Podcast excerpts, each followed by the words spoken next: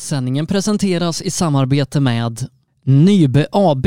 Med bas i Småland är vi verksamma i södra Sverige med byggentreprenad för såväl stora som små projekt, för industrier, större fastigheter och villor. Tillsammans erbjuder vi kompetens inom byggnation, projektledning, planering, VVS, plåtslageri och kringtjänster som till exempel leverans med kranbil. Vi har dessutom ett komplett byggvaruhus i Eneryda. Nybe är totalentreprenör som kvalitetssäkrar ditt projekt från idé till verklighet. Läs mer på nybe.se. Sedan starten 2005 har Ramudden haft som fokus att skapa säkra vägarbetsplatser. Vi fortsätter nu det här arbetet med att skapa säkra byggarbetsplatser för att öka säkerheten för byggarbetare och för de som rör sig där kring. Ramudden Workzone Safety. AM Elteknik erbjuder tjänster inom el och kommunikation för företag och privatpersoner. PP Engineering. Vi säljer och levererar däck och fälgar från Yokohama Motorsport och Speedline. Vi är specialiserade på tävlingsdäck för rally och racingverksamhet, men erbjuder även fälgar för lastbilar och däck till din historiska personbil. Alla våra produkter är framtagna för hög prestanda. Läs mer på ppengineering.se. MP5 Sweden erbjuder tjänster inom prototyptillverkning, fixturtillverkning, produktion och smide. På hemsidan MP5 Sweden AB kan du läsa mer om MP5 och vår verksamhet. Appelskogsbil är din Peugeot-återförsäljare i Linköping. Vi har även verkstad och ett stort antal begagnade bilar i lager.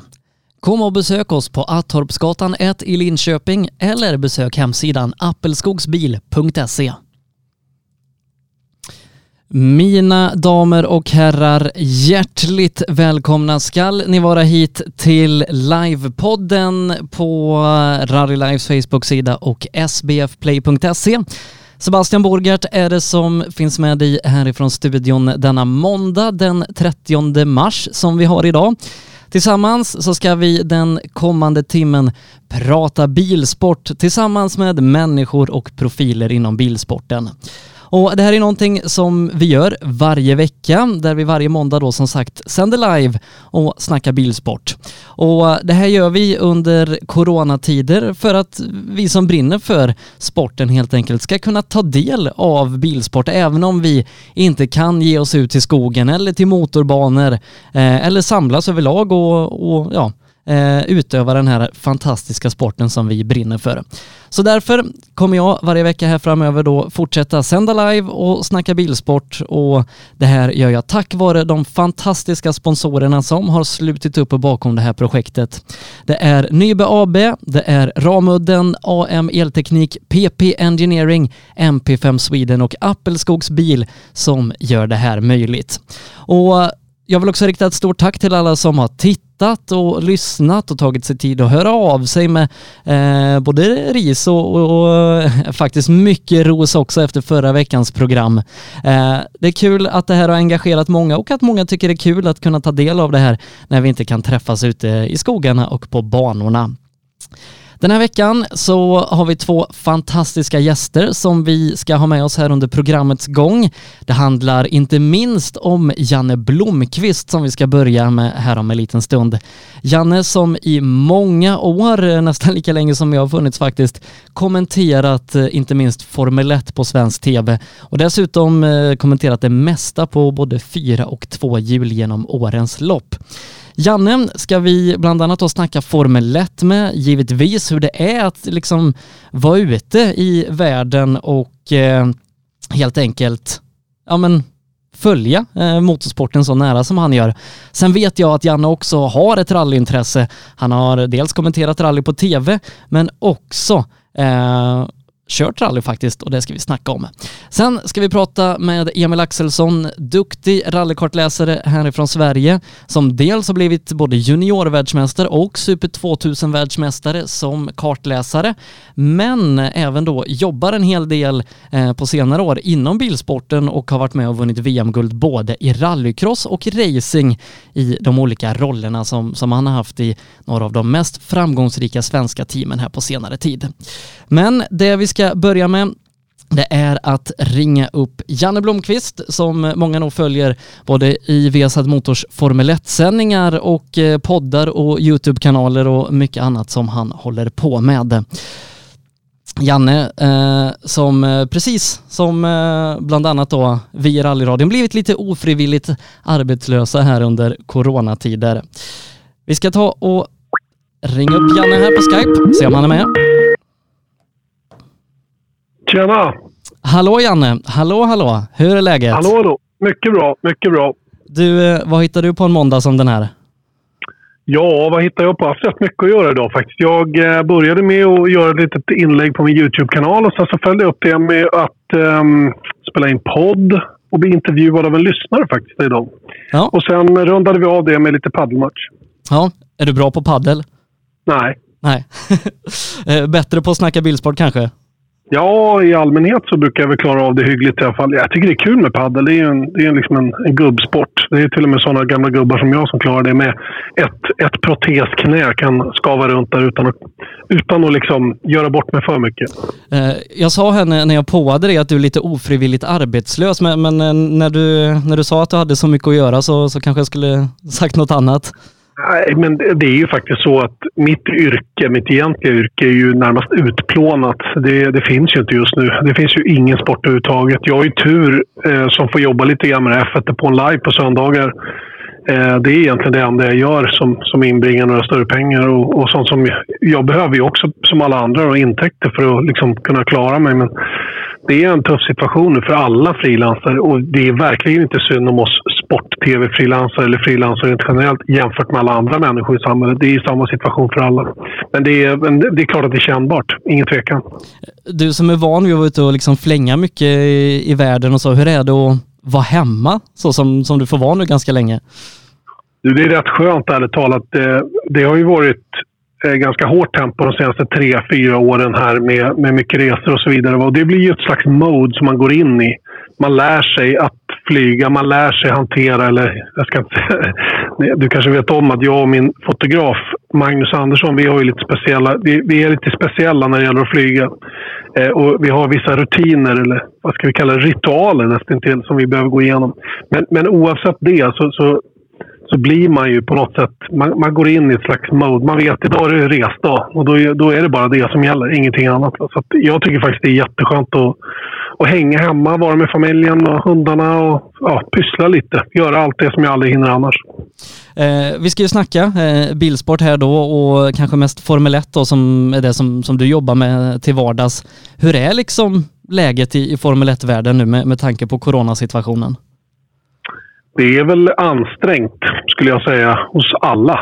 Eh, alla teamen sitter ju med mycket personal. Någonstans från 250-300 anställda upp till 2000 anställda beroende på vilket team vi pratar om.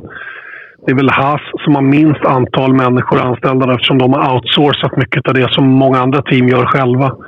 Sen så om vi kliver högre upp på skalan kommer upp till Mercedes som ligger på ungefär 2000 anställda. Och det är klart att noll intäkter och bara utgifter, det, det svider och det, det går det, det, går inte många månader innan det börjar bli jobbigt på riktigt allvar för en del. Och eh, jag tänker team som Williams som har haft det jobbigt ekonomiskt de senaste åren. De, de har det riktigt tufft just nu.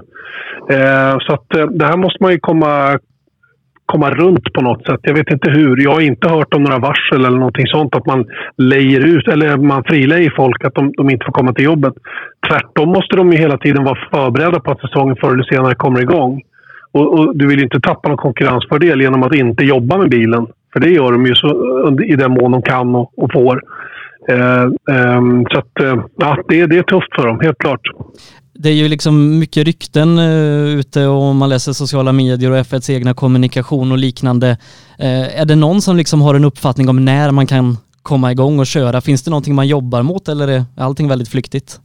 Ja, det är det väl. Det sista stämmer ju. Allt är ju väldigt flyktigt eftersom ingen kan kontrollera den här pandemin. Hur lång, hur lång tid den kommer att hålla på eh, och, och, på vilket sätt den kommer att klinga av. Kommer den att klinga av väldigt snabbt eller kommer den att hålla i över hela alltså, Det finns ju så mycket frågor som, som inte är besvarade. Men en arbetshypotes som finns just nu är väl att försöka komma igång i slutet på juli, början på augusti. Eh, och att då försöka trycka in så mycket race som det bara går under de här fyra veckorna när det egentligen skulle ha varit sommaruppehåll. för att hämta hem lite grann då, och sen gå över kanske till den ordinarie kalendern.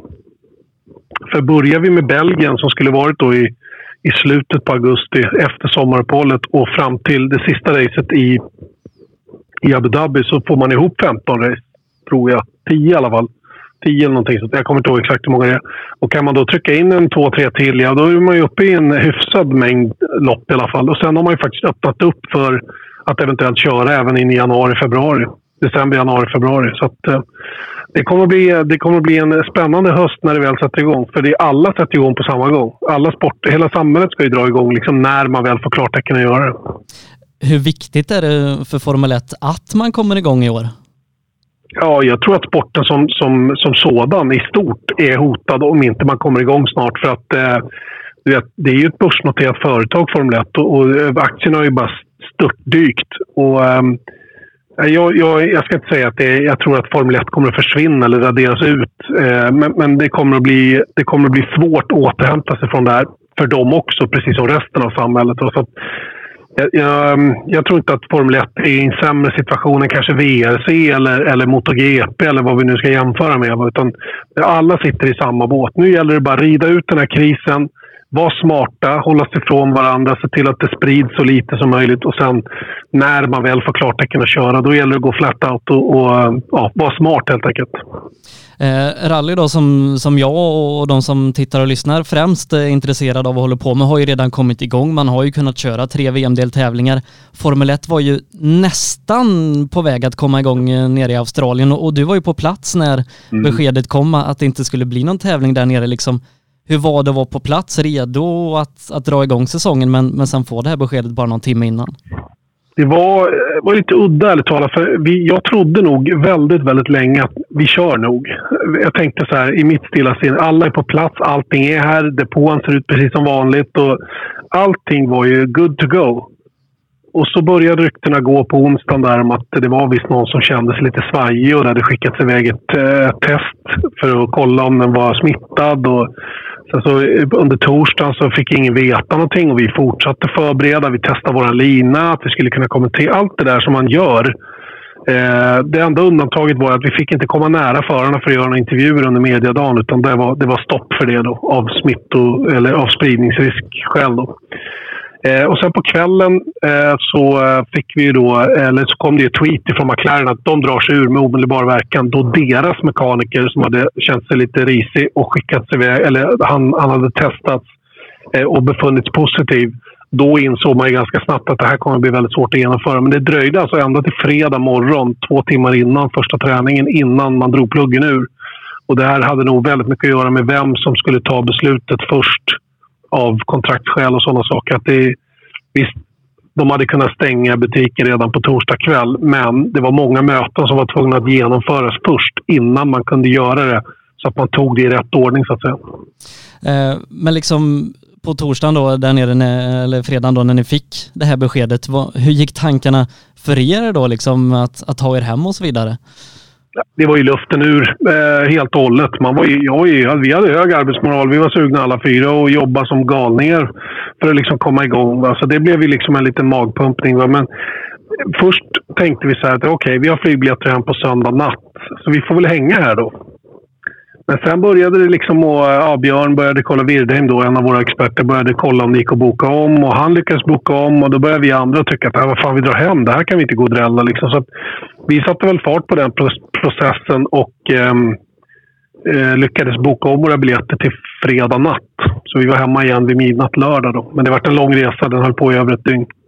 Eh, vi var inne på det att, att vissa team eh, redan har det lite tufft ekonomiskt och hela mästerskapet kan få det tufft ekonomiskt om den här situationen fortsätter. Och, eh, vissa team har ju en framtid som kanske inte är självklar inom Formel 1. Hur, hur tror du det här kan påverka deras beslut att eventuellt att fortsätta? Mm, det är en bra fråga. Eh, de du tänker på tror jag främst är väl Haas som, eh, som är ett, ehm, ett entreprenörsteam kan vi kalla det. De, de lejer ut, de bygger ingen bil själva. De låter Dalara producera bilen eller de har outsourcat väldigt mycket. De har en liten operation. Det är lätt för Gene Haas att stänga. Eh, tror jag. Visst, det kommer ju att svida att, att liksom eh, sparka folk och hela den grejen. Men han har ju enklast att stänga butiken och säga att nej, jag kör ingen mer Formel 1. Så han är ju nog den som ligger närmast till hans att tänka sig att de inte väljer att fortsätta. För avtalet att köra Formel 1 går ut eh, i december i år. Eh, men jag tror att den situation som har uppstått nu gör att man försöker hitta på någon interimlösning för 2021 där det rådande Concordavtalet, som det heter, då, det, där, det sammanlagda avtalet där alla team skriver på för att vara med och köra, att det gäller över ytterligare ett år. Och sen när det har blivit lite ordning och reda på allting inför 2022, då tar man en ny diskussion och så försöker man få med alla tio team då att köra vidare eh, ytterligare fem år. Och förhoppningsvis då även med, med Gene Haas. Sen är det ju då återigen vilka som klarar av den här tuffa perioden. Är det någon som, som går på knäna nu ekonomiskt och kanske till och med går i konkurs eller måste säljas eller vad det nu är. Det får vi se. Men, men, eh, jag har inte fått några sådana indikationer just nu utan det här är liksom bara en magkänsla man har runt vissa av teamen. Eh, det är som sagt svårt att, att säga någonting nu då som, som läget är. Um, om, man, om man följer liksom F1-medier och sånt så, så har man idag kunnat läsa bland annat om Red Bulls eh, Helmut Marko eh, som ofta kan vara en ganska kontroversiell typ som har pratat om något corona camp, att han vill att hans förare ska få corona för att kunna bli immuna. Eh, du som liksom har kunnat följa Red Bull lite närmare och kanske till och med träffat Helmut, vad, vad tänker du om ett sådant uttalande? det är ju bara korkat. Det är ju liksom, jag förstår ju hur han tänker, men, men han borde kanske inte ha sagt det. Och jag undrar lite grann hur det där citatet har kommit ut. Eh, är det taget ur sin kontext eller har han verkligen menat det på det sättet som det beskrivs? Det, det ställer jag mig frågan till. Eh, så, han är ju en klok människa i, i de allra flesta fall. och har ju gjort enormt stort arbete i Red Bull-teamet med, med förarprogrammet och allt vad de nu har. Så han är ju ingen korkad person. Och, och, visst kan man bli frustrerad och tycka att vad fasen, se till att få den här skiten nu då så vi kan bli immuna och gå vidare i livet. Men vadå, om, om två, tre, fyra, fem förare i Red Bull-familjen får corona och, och därmed blir immuna för årets version av coronavirus så betyder inte det att de kan börja köra för den skull. Utan det där, är ju, det där var ju bara... Det är fånerier alltihopa. Helmut Marko är som du säger, han kan vara lite kontroversiell. Han är ganska hård, fyrkantig typ. Eh, och um, jag vet inte om man ville bara skapa rubrik eller vad det var för någonting. Eh, som sagt, går inte att säga så mycket mer om, om läget utan saker och ting ändras dag till dag. Eh, du, jag tänkte vi, vi, skulle prata lite mer om, om ditt engagemang i, inom motorsporten och så vidare. Var, var kommer motorintresset ifrån? Ja, det, det, kan man undra, för jag är långt ifrån någon meckare. Jag, jag väl, eh, nej, jag kan helt enkelt inte mecka. Jag är ganska oduglig på tekniska grejer när det gäller bilar rent generellt. Det är klart att jag har gjort de vanliga grejerna när jag hade bil när jag var ung. Bytte bromsar och avgassystem på gamla Volvo och hela den biten. Men mitt motorintresse väcktes nog när jag var väldigt liten. Min pappa hade en bensinmack och eh, Ronny Pettersson var ju stekhet på den tiden, då, mitten på 70-talet och fram till han, till han av, eh, omkom då 78. Och eh, där vaknade jag till. Jag, jag, såg allt som visades då, eh, då vid den tiden.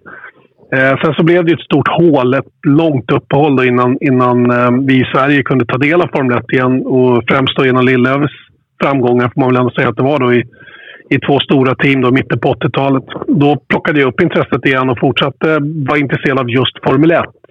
Det är det som alltid har varit grejen för mig. För just Formel 1-sporten av någon anledning så var det den. Inte så mycket annan motorsport vid den tidpunkten i alla fall.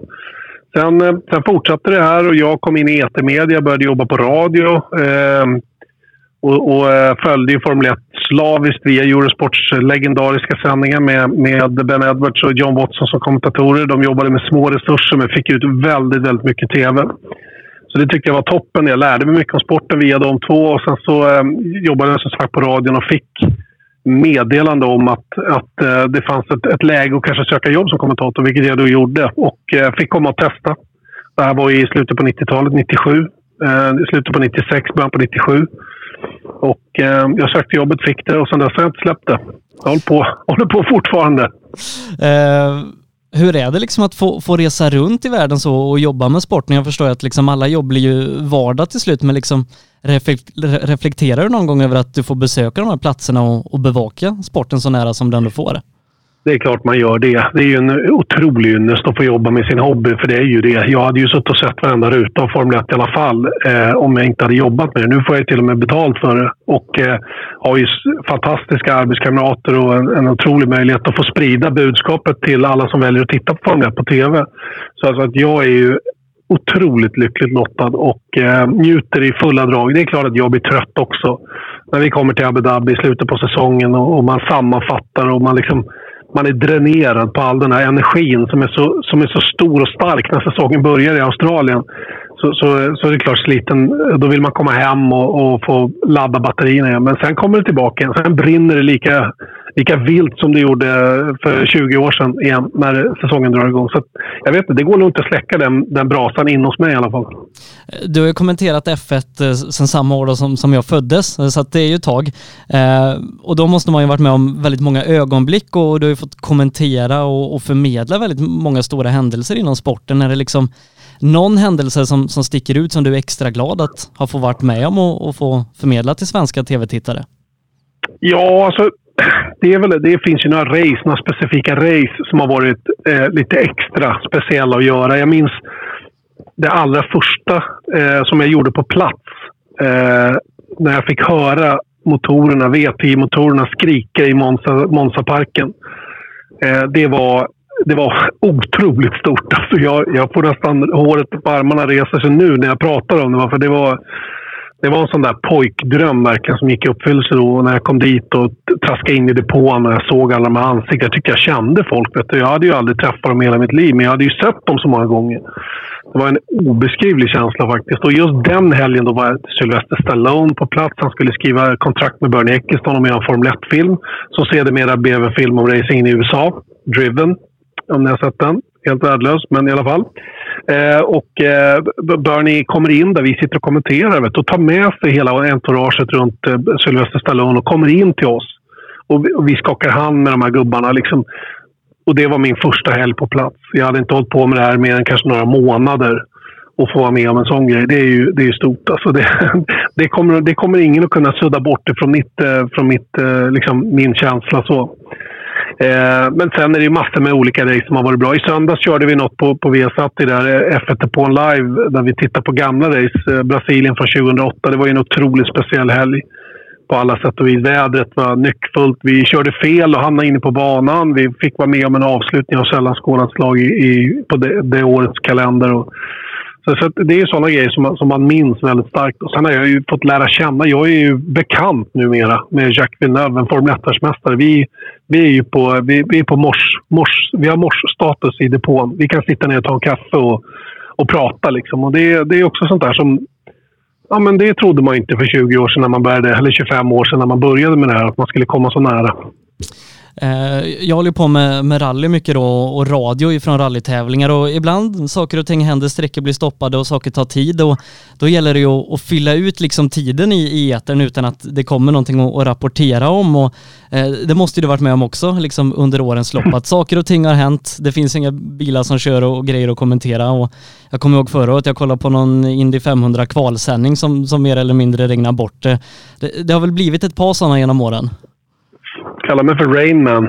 Ja. Nej, inte riktigt. Ja, men det vart ju Indycar förra året blev ju lite jobbigt. Iowa där, där det åska och regnade hela natten och, och, just som du sa då Indycar-kvalet. Men visst, eh, på söndag i F1 på live ska vi faktiskt visa ett av de där loppen som har blivit lite legendariska för just det här då. Där vi höll igång i fem timmar jag och Eje. Det var ju Kanadas Grand Prix 2011 med två timmars avbrott bara. Där det bara regnade. Det hände ingenting. Vi bara pratade kort och gott. Eh, faktum är att den andra riktigt långa sändningen som vi har gjort, det var ju också på andra sidan Atlanten i, i Texas. måste ha varit 2015, 2016 kanske. Hela kvalet regnade bort. Vi satt, vi satt en hel eftermiddag i, tror jag, tre och en halv timme och bara tittade på säkerhetsbilen som åkte ut varje kvart och eh, gjorde sin bedömning av läget på banan. Och till slut så sa man att det blir inget. Det är också sådär. Och det är klart att då får man ju tömma hårddisken. Du, du, jag är helt säker på att du Sebastian är bra på det också. Man, man nästan hör det. Eh, på dig när du pratar att det är, det är inga konstigheter för dig. Men du vet ju också vad jobbet är.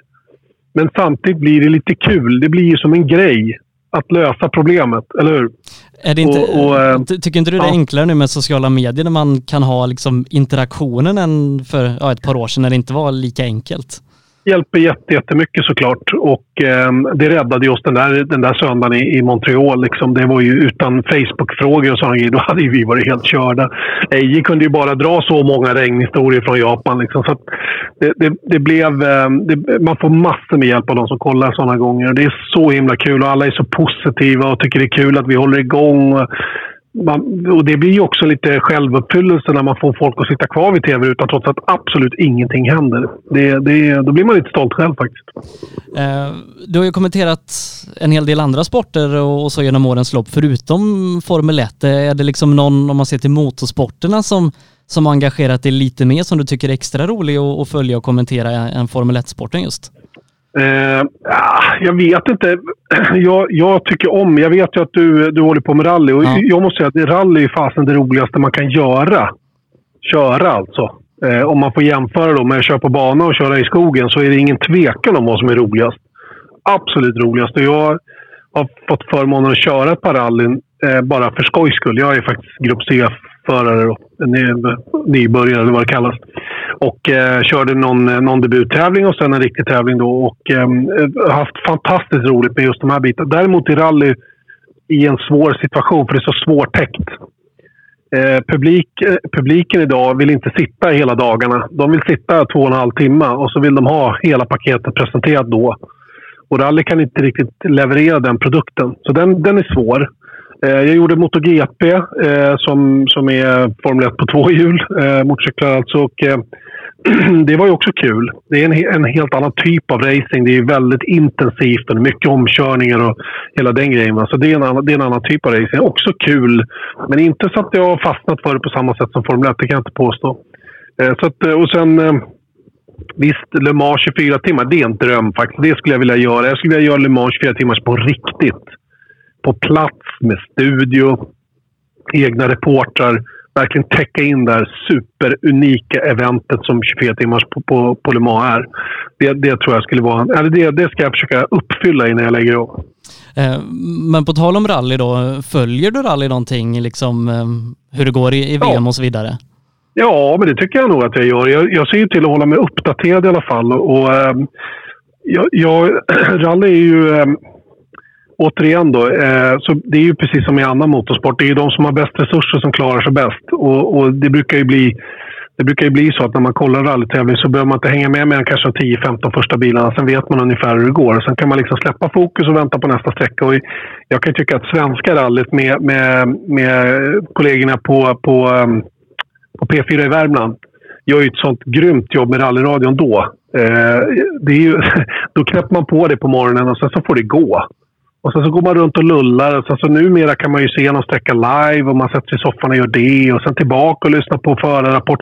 Det kan jag tycka är bland de... Det är som att se Vasaloppet för mig. Det är ungefär samma. Eh, det är ju några, liksom, om man ser till F1 då, som, som du håller på med mest och rally som jag håller på med mest, några som har försökt på både det ena och det andra. Om man ser F1-förare då, Kimi Räikkönen och, och Valtteri Bottas som har kört en del rally, Bottas eh, då mest nyligen.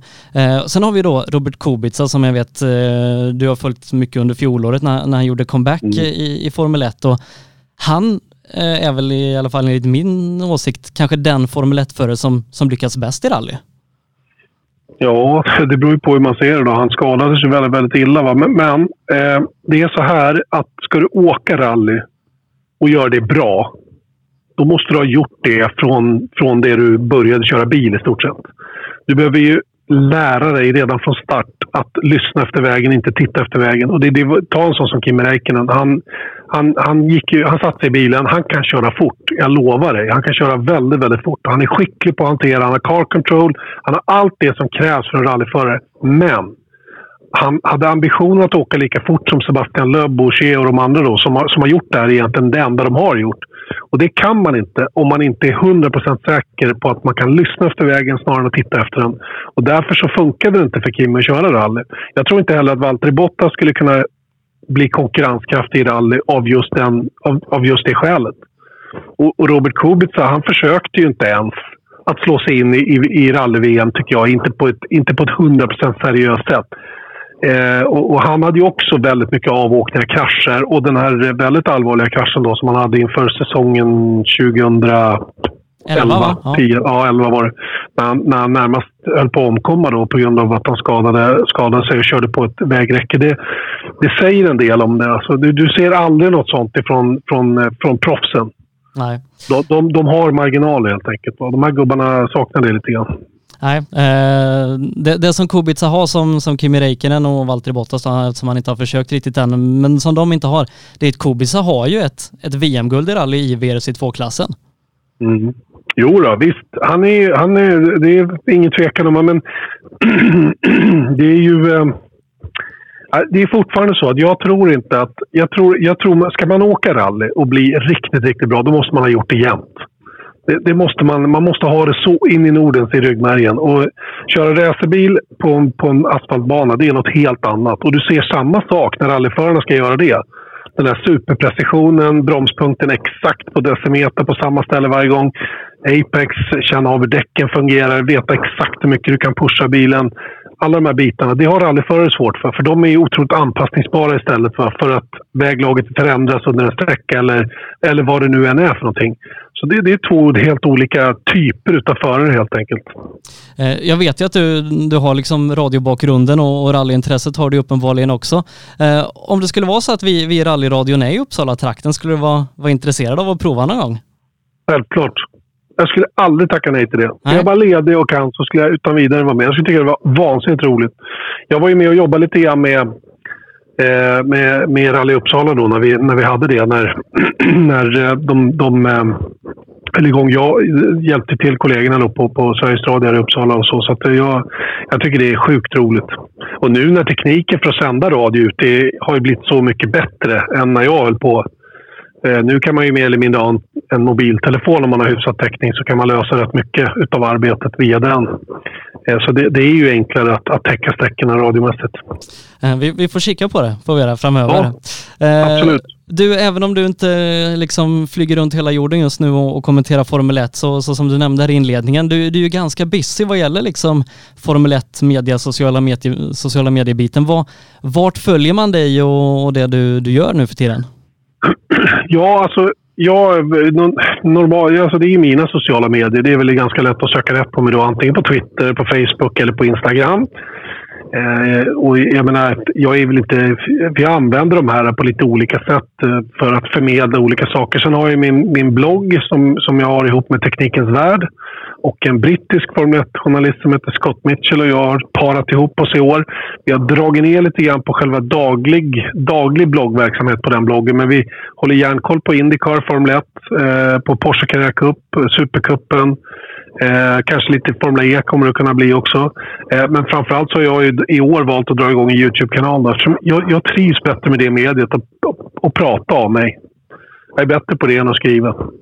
Eh, Youtube, Janne Blomqvist och så F1-podd mm. finns väl ute också? Just det, den finns också. F1-podden som jag gör tillsammans med vår producent Erik Stenborg. Eh, som vi har hållit på med sedan 2012 och, och eh, som ligger på ungefär 20 000 lyssnare varje vecka. Och det är jätte, jättekul att alla orkar hänga med oss trots att det är lite stilla, stillestånd just nu. Det har varit hela vintern. Vi var ju alla så sugna på att det skulle dra igång, men ja, det är som det är just nu. Så är det. Det är bland annat därför vi gör det här nu. Eh, ja, det är bra. Du är Janne, bra. jättestort tack för att eh, mm. jag fick prata med dig den här måndagskvällen. Och så eh, som sagt, vi, vi suger på den här rallyradiokaramellen så hoppas jag att vi, ja. vi, vi hörs och syns i, i en rallyskog framöver. Det vore toppen. Underbart. Tack du, Sebastian. Tack så mycket. Som sagt, där fick vi en rejäl pratstund med Janne Blomqvist, inte minst då Formel 1-kommentator på Viasat som även då som sagt eh, har en ganska stor kärlek för rally som är det vi främst håller på med. Och mer rally, det ska vi ta och prata om eh, om en liten stund, då tillsammans med Emil Axelsson. Kartläsare, duktig sådan från Sverige som har både junior och Super 2000 VM-guld och dessutom på senare tid eh, har varit ganska framgångsrik både inom rallycross och på banracing, då inte i bilen utan i en annan roll. Det ska vi prata mer om alldeles strax här i våran livepodd-sändning. Sändningen presenteras i samarbete med Nybe AB med bas i Småland är vi verksamma i södra Sverige med byggentreprenad för såväl stora som små projekt, för industrier, större fastigheter och villor. Tillsammans erbjuder vi kompetens inom byggnation, projektledning, planering, VVS, plåtslageri och kringtjänster som till exempel leverans med kranbil. Vi har dessutom ett komplett byggvaruhus i Eneryda. Nybe är totalentreprenör som kvalitetssäkrar ditt projekt från idé till verklighet. Läs mer på nybe.se. Sedan starten 2005 har Ramudden haft som fokus att skapa säkra vägarbetsplatser. Vi fortsätter nu det här arbetet med att skapa säkra byggarbetsplatser för att öka säkerheten för byggarbetare och för de som rör sig där kring. Ramudden Workzone Safety. AM Elteknik erbjuder tjänster inom el och kommunikation för företag och privatpersoner. PP Engineering. Vi säljer och levererar däck och fälgar från Yokohama Motorsport och Speedline. Vi är specialiserade på tävlingsdäck för rally och racingverksamhet, men erbjuder även fälgar för lastbilar och däck till din historiska personbil. Alla våra produkter är framtagna för hög prestanda. Läs mer på ppengineering.se. MP5 Sweden erbjuder tjänster inom prototyptillverkning, fixturtillverkning, produktion och smide. På hemsidan MP5 Sweden AB kan du läsa mer om MP5 och vår verksamhet. Appelskogsbil är din Peugeot-återförsäljare i Linköping. Vi har även verkstad och ett stort antal begagnade bilar i lager. Kom och besök oss på Attorpsgatan 1 i Linköping eller besök hemsidan appelskogsbil.se. Ja, eh, vi ska gå vidare i programmet den här kvällen. Vi har ju snackat en hel del Formel 1 och, och banracing nu då, eh, inte minst eh, tack vare Janne Blomqvist som har varit våran gäst inledningsvis här under kvällen. Och eh, vi ska nu snacka rally. Vi ska göra det tillsammans med Emil Axelsson, duktig kartläsare härifrån Sverige som bland annat åkt rally-VM i många år tillsammans med Patrik Sandell, PG Andersson och Pontus Tideman, men som på senare tid ägnat sig åt andra typer av engagemang inom bilsporten och fortfarande gör. Eh, Emil som då bland annat jobbat inom rallycross-VM och även inom VTCR eller VTCC i banracing. Vi ska ta och ringa upp Emil och... Eh...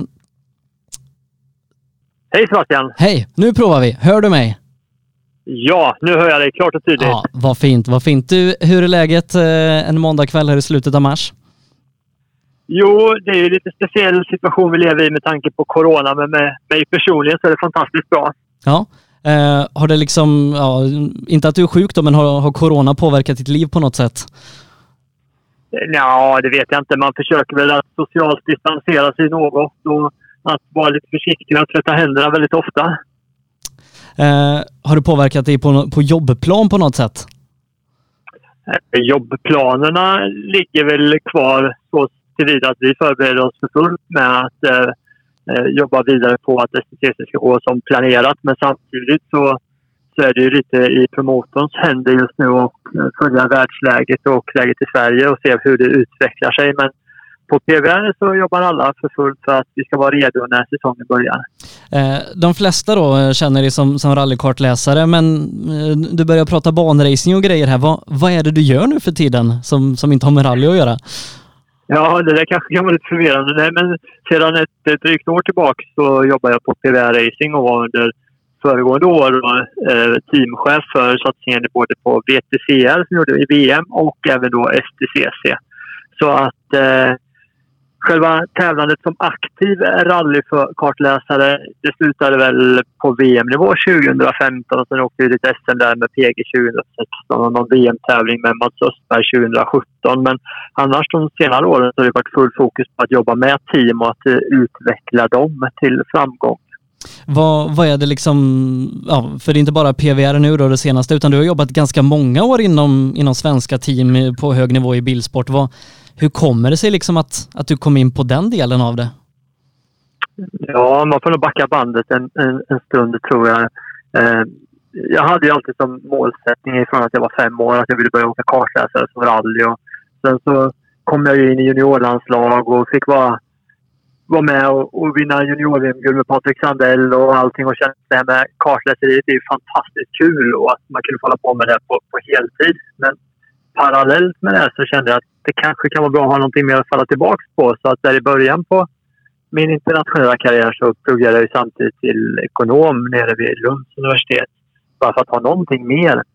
Och eh, när tiden gick och min kartläsarkarriär kanske, jag kände att det, det började plana ut lite. Det var inte riktigt lika solklart med vad nästa steg skulle vara.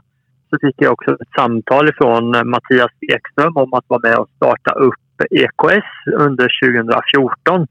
Och lite på den vägen är det att jag liksom tog klivet ifrån kartläsarstolen till att få säga, ledande roller inom team. Men någonstans 2014 då, då tävlade väl du ganska aktivt med Pontus Tideman fortfarande?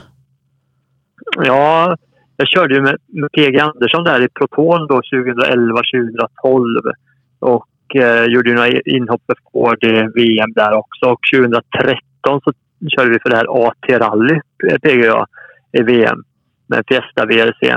Och det var där någonstans det planade ut. Och sen var ju Pontus en av våra förare under 2014 i EKS i rallycross-VM. Och han och jag gjorde ju ett eh, väldigt lyckat inhopp i Rally Tyskland under den sommaren som ledde till att eh, vi, vi, eller Pontus, då fick kontraktet med Skoda under 2015. Eh, men liksom, eh, hur var det att starta upp eh, EKS och ge sig in i rallycrossen i den rollen som du hade då och inte vara med i bilen?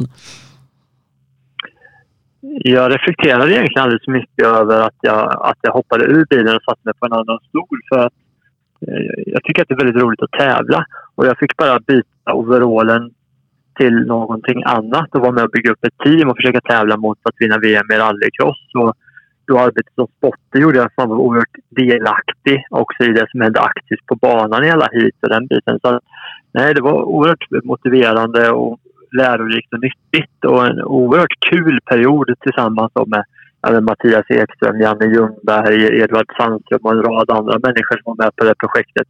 Och, alltså, det är ju ett alltså jag har haft jättemånga roliga år och det är ett av de roliga, roligaste åren. Eh, var du med under liksom det året allting klaffade rätt 2016 när det blev dubbla guld för EKS? Ja, då, 2016 då jobbade jag ju tillsammans med eh, ja, men Christian Dahl, eller inte ja. tillsammans men åt Christian Dahl på Polestar Design Racing och körde VTCC. Men jag fick göra ett inhopp där i Tyskland när han säkrade guldet Mattias och var hans spotter. Så jag brukar se det lite som ett, eh, man säger, ett bonus-VM-guld som var väldigt roligt att få vara med om. Jag var bara med på en tävling men att eh, få se hur det där man var med och ja, var en delaktig i under 2014 och se att de vann då de, de gulden 2016 var oerhört häftigt att se och få vara med på. Eh, rally och, och rallycross är ju ganska nära besläktat då, men sen är ju steget lite större till, till banracingen. Hur, hur var det att, att hoppa dit då med, med Cyan Racing? Mm, jag tyckte det var oerhört kul och spännande och lärorikt att få jobba då både med, med, eh, med Christian Dahl och hans team och även med Ted Björk och massa racingförare som kom in längs med, längs med den resans gång. Um, racingförare har ju en, är ju generellt sett mer inne på detaljer än vad rallyförare är. Och den biten är ganska skoj att få lära sig någon gren för att det är lite annan disciplin så att säga. Så att det, det var oerhört kul. Eh, och, och, eh, om vi, vi pratade VM-guld där då, eller bonus-VM-guld med, med Mattias, så, så har det blivit ganska bra med, med Cyan Racing också på VM-guldfronten. ja, det är ju helt otroligt när man tänker tillbaka på det faktiskt. Eh, 2016 var det första året med Cyan Racing eh, Eh, och tävlade då internationellt eller på, på VM eller VTCC. Och målet var att man skulle vinna VM under år tre. Men eh, vi lyckades göra det redan under andra året och vinna både då förar VM-guldet med Ted Björk och teammästerskapet. Och det var, det var väldigt mycket hårt arbete som låg bakom den snabba upprampningen så att säga. Och väldigt kul att få vara en liten del av det. Det fanns många duktiga människor som var med och bidrog till de framgångarna. Vad, liksom, vad var din roll i, i VTCC-teamet? Eh, där jobbar man väl inte med spotters på samma sätt som i rallycrossen? Nej, det gör man ju inte. Nej, utan jag, eh, jag var ju vad ska man säga, en assisterande teammanager till, till Waller som, som gör ett otroligt jobb och hade mer koll på, på förarna. Och sen hade man ju faktiskt eh, spotter också i Villarreal där man hade ett jokervarv det, det året. Så att eh, det var mycket att eh, arbeta lite med här, processen och arbetsgången och försöka få eh, det, bidra med det jag kunde för att man skulle nå sportsliga framgångar. Eh, Sajan och den tiden var ju roligt också på det sättet att vi hade ju utveckling och tillverkningsbitar internt. Eh, så att det fanns många, många olika delar att jobba med för att få en framgångsrik eh, och snabb bil och team så att säga. Eh, men liksom, hur är det att ha varit med och vunnit ett VM med ett svenskt team och, och en svensk bil som det var med, med Volvo då som svensk förare? Ja, det är ett minne för livet är det, att, att vi lyckades. Eh, så att det är någonting jag är oerhört stolt att bära med mig. Eh, och nu då så, så jobbar du med, med PVR eh, och, och laddar för en, en, en stundande säsongstart här. Liksom, är, det, är det samma typ av grejer som du gör i, i PVR som du gjorde i Sajen eller, eller skiljer sig dina dagar åt lite? Nej, det skiljer sig lite grann gör det. Eh, I, eh, i, um, på Sajan så hade man som sagt där hade man teknisk utveckling. Man byggde den här TC1-bilen. När det kommer till PVR så tävlar vi med en PCR-reglement med en bil som är utvecklad ifrån Cupra och man fokuserar mer på att få ihop de finansiella resultaten men också att optimera de, de sportsliga delarna. Så det är lite, lite annorlunda. Eh, och jag tycker att PVR är, är också jätteroligt att vara, få vara en del utav. Det är många passionerade och engagerade tävlingsmänniskor som verkligen brinner för att göra sitt bästa och, och nå, nå fina resultat.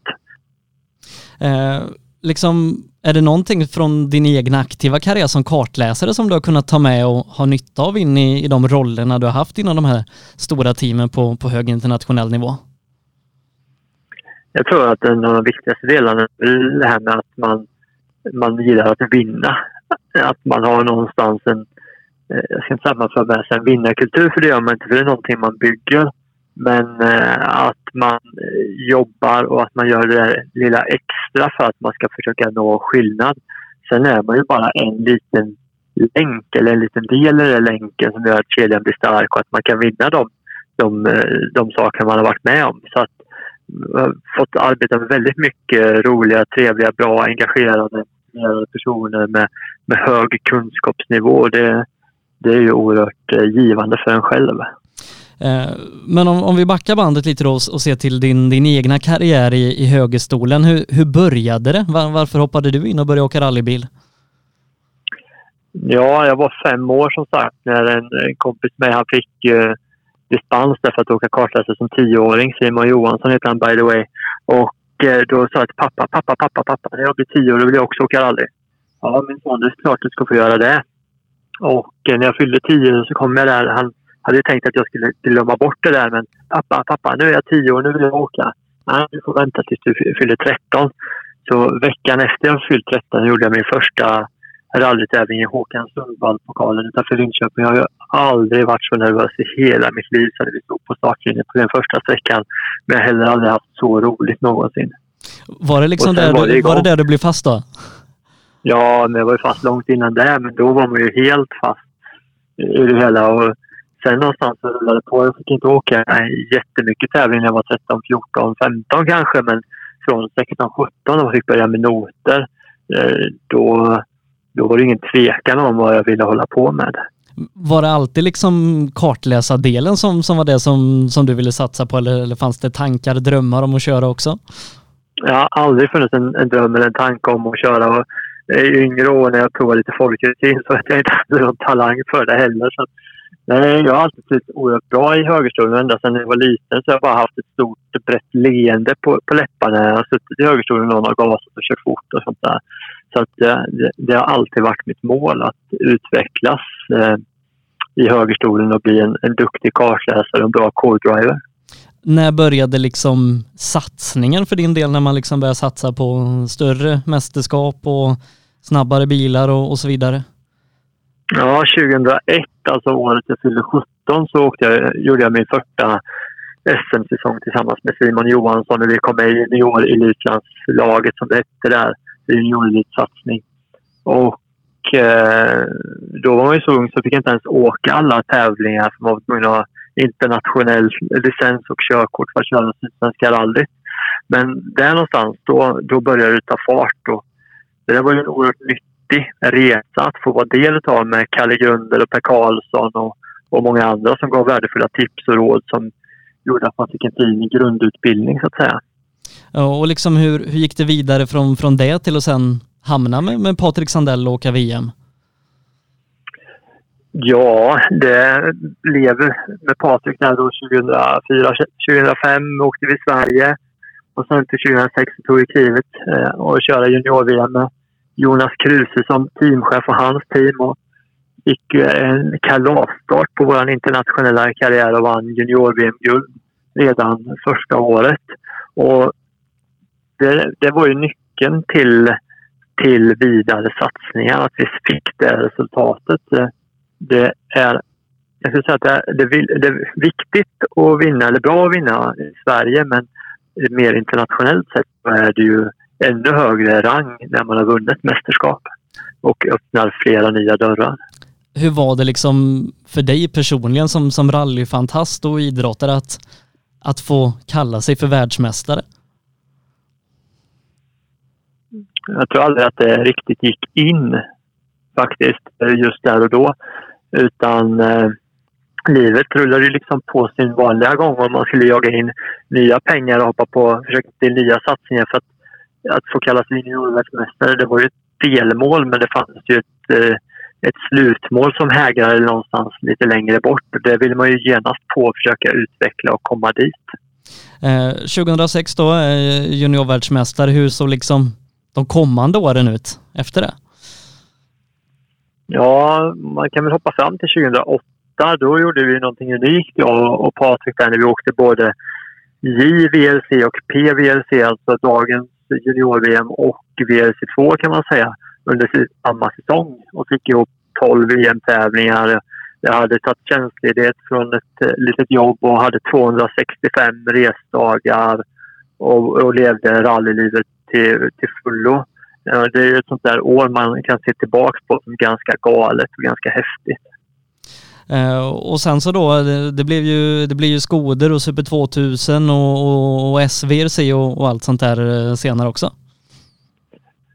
Ja, det, det, var ju väldigt mycket tävlande och bilåkande där ett tag var det. Men med, eh, vi fick en satsning tillsammans med Red Bull 2009 vi körde ja, motsvarande WRC2 2010, jag och Patrik, och vart eh, tvåa i det mästerskapet och vann eh, något teammästerskap där. Och, och eh, till året därpå då, då åkte jag med, med PG Andersson där och vi körde Svenska rallyt den här jätteinsamlingen som skedde med alla fans som gick in och klev in och betalade allting. Och Proton så att det, det, finns så mycket historia och mycket grejer man har fått vara med om. Väldigt lyckligt lottad. Eh, men om man ser till, till säsongen 2012 då, eh, du och PG i, i Proton då, det här malaysiska märket eh, och, och full säsong i det SVRC-mästerskapet. Man vet ju att den bilen kanske inte liksom var på samma nivå som Skoder, som Forder och så vidare. Hur, hur var det att tävla det året, ändå med de fina resultaten som ni gjorde?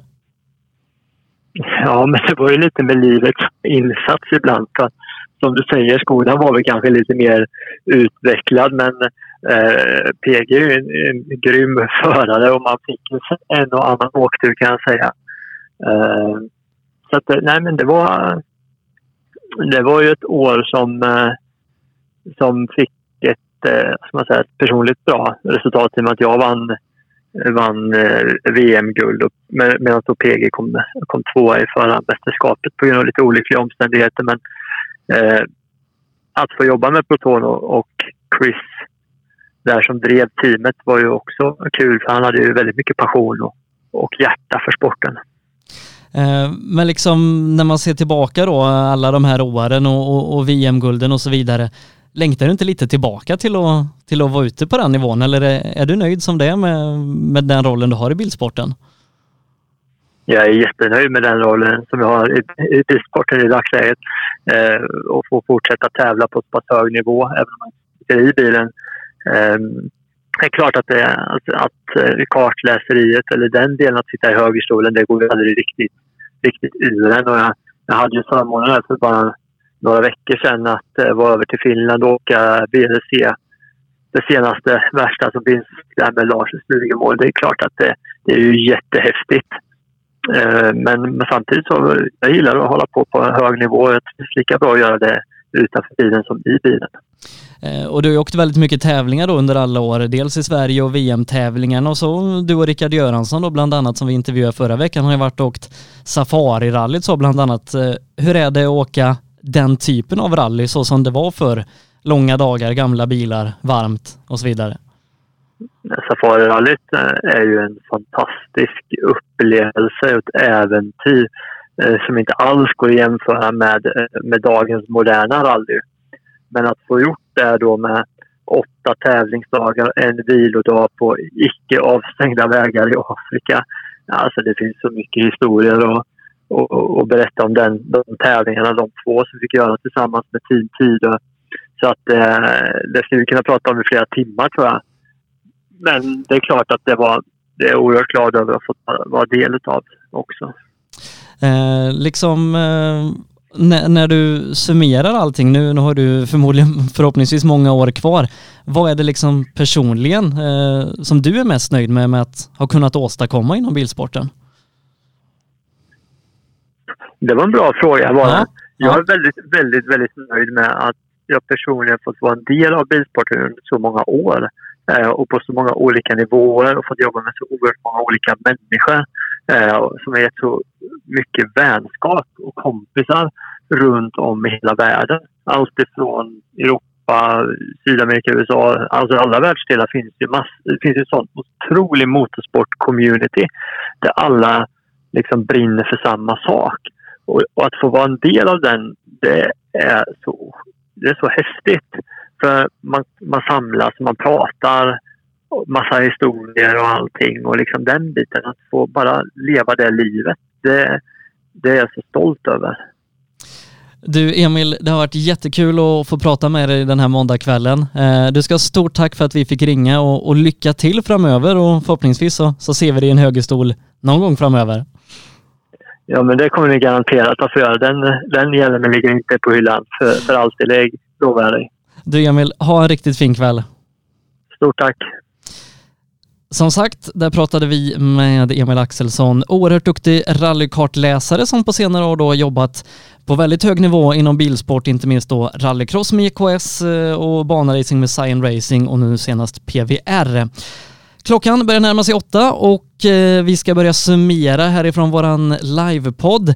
Eh, ni som har tittat idag ska ha stort, stort tack för att ni har hängt med och velat lyssna på våra samtal den här veckan då med eh, Motors Formel 1-kommentator Janne Blomqvist och eh, rallykartläsaren Emil Axelsson. Nästa vecka klockan 19.00 då är vi tillbaka, sänder direkt här på Facebook och sbfplay.se. Och har ni som sagt eh, tips och sånt på människor som ni vill att jag ska prata med här i programmet, ja men skicka dem till oss här på eh, Facebook, Facebook-sidan Rally Live eller Facebookgruppen Rallyradion 2.0. Ni kan också skicka till mig på Facebook eller mejla mig på sebastiansnablarallylive.se. Eh, och så ska vi som sagt tacka de fantastiska företag som är med och gör det möjligt att ens göra det här programmet. Det är Nybe AB, det är Ramudden, det är AM Elteknik, PP Engineering, MP5 Sweden och Appelskogsbil. Utan de här fantastiska sponsorerna så hade det inte varit möjligt att göra det här programmet och jag hoppas som sagt att det ska vara någonting som man ska kunna samlas kring även under coronatider. Vi pratar och ja, men, myser bilsport helt enkelt. Nästa vecka är vi tillbaka 19.00, samma tid, samma kanal så att säga. Stort, stort tack för att ni har tittat och lyssnat. Sändningen presenteras i samarbete med Nybe AB. Med bas i Småland är vi verksamma i södra Sverige med byggentreprenad för såväl stora som små projekt, för industrier, större fastigheter och villor. Tillsammans erbjuder vi kompetens inom byggnation, projektledning, planering, VVS, plåtslageri och kringtjänster som till exempel leverans med kranbil. Vi har dessutom ett komplett byggvaruhus i Eneryda. Nybe är totalentreprenör som kvalitetssäkrar ditt projekt från idé till verklighet. Läs mer på nybe.se. Sedan starten 2005 har Ramudden haft som fokus att skapa säkra vägarbetsplatser. Vi fortsätter nu det här arbetet med att skapa säkra byggarbetsplatser för att öka säkerheten för byggarbetare och för de som rör sig där kring. Ramudden Workzone Safety. AM Elteknik erbjuder tjänster inom el och kommunikation för företag och privatpersoner. PP Engineering. Vi säljer och levererar däck och fälgar från Yokohama Motorsport och Speedline. Vi är specialiserade på tävlingsdäck för rally och racingverksamhet, men erbjuder även fälgar för lastbilar och däck till din historiska personbil. Alla våra produkter är framtagna för hög prestanda. Läs mer på ppengineering.se. MP5 Sweden erbjuder tjänster inom prototyptillverkning, fixturtillverkning, produktion och smide. På hemsidan MP5 Sweden AB kan du läsa mer om MP5 och vår verksamhet. Appelskogsbil är din Peugeot-återförsäljare i Linköping. Vi har även verkstad och ett stort antal begagnade bilar i lager. Kom och besök oss på Attorpsgatan 1 i Linköping eller besök hemsidan appelskogsbil.se.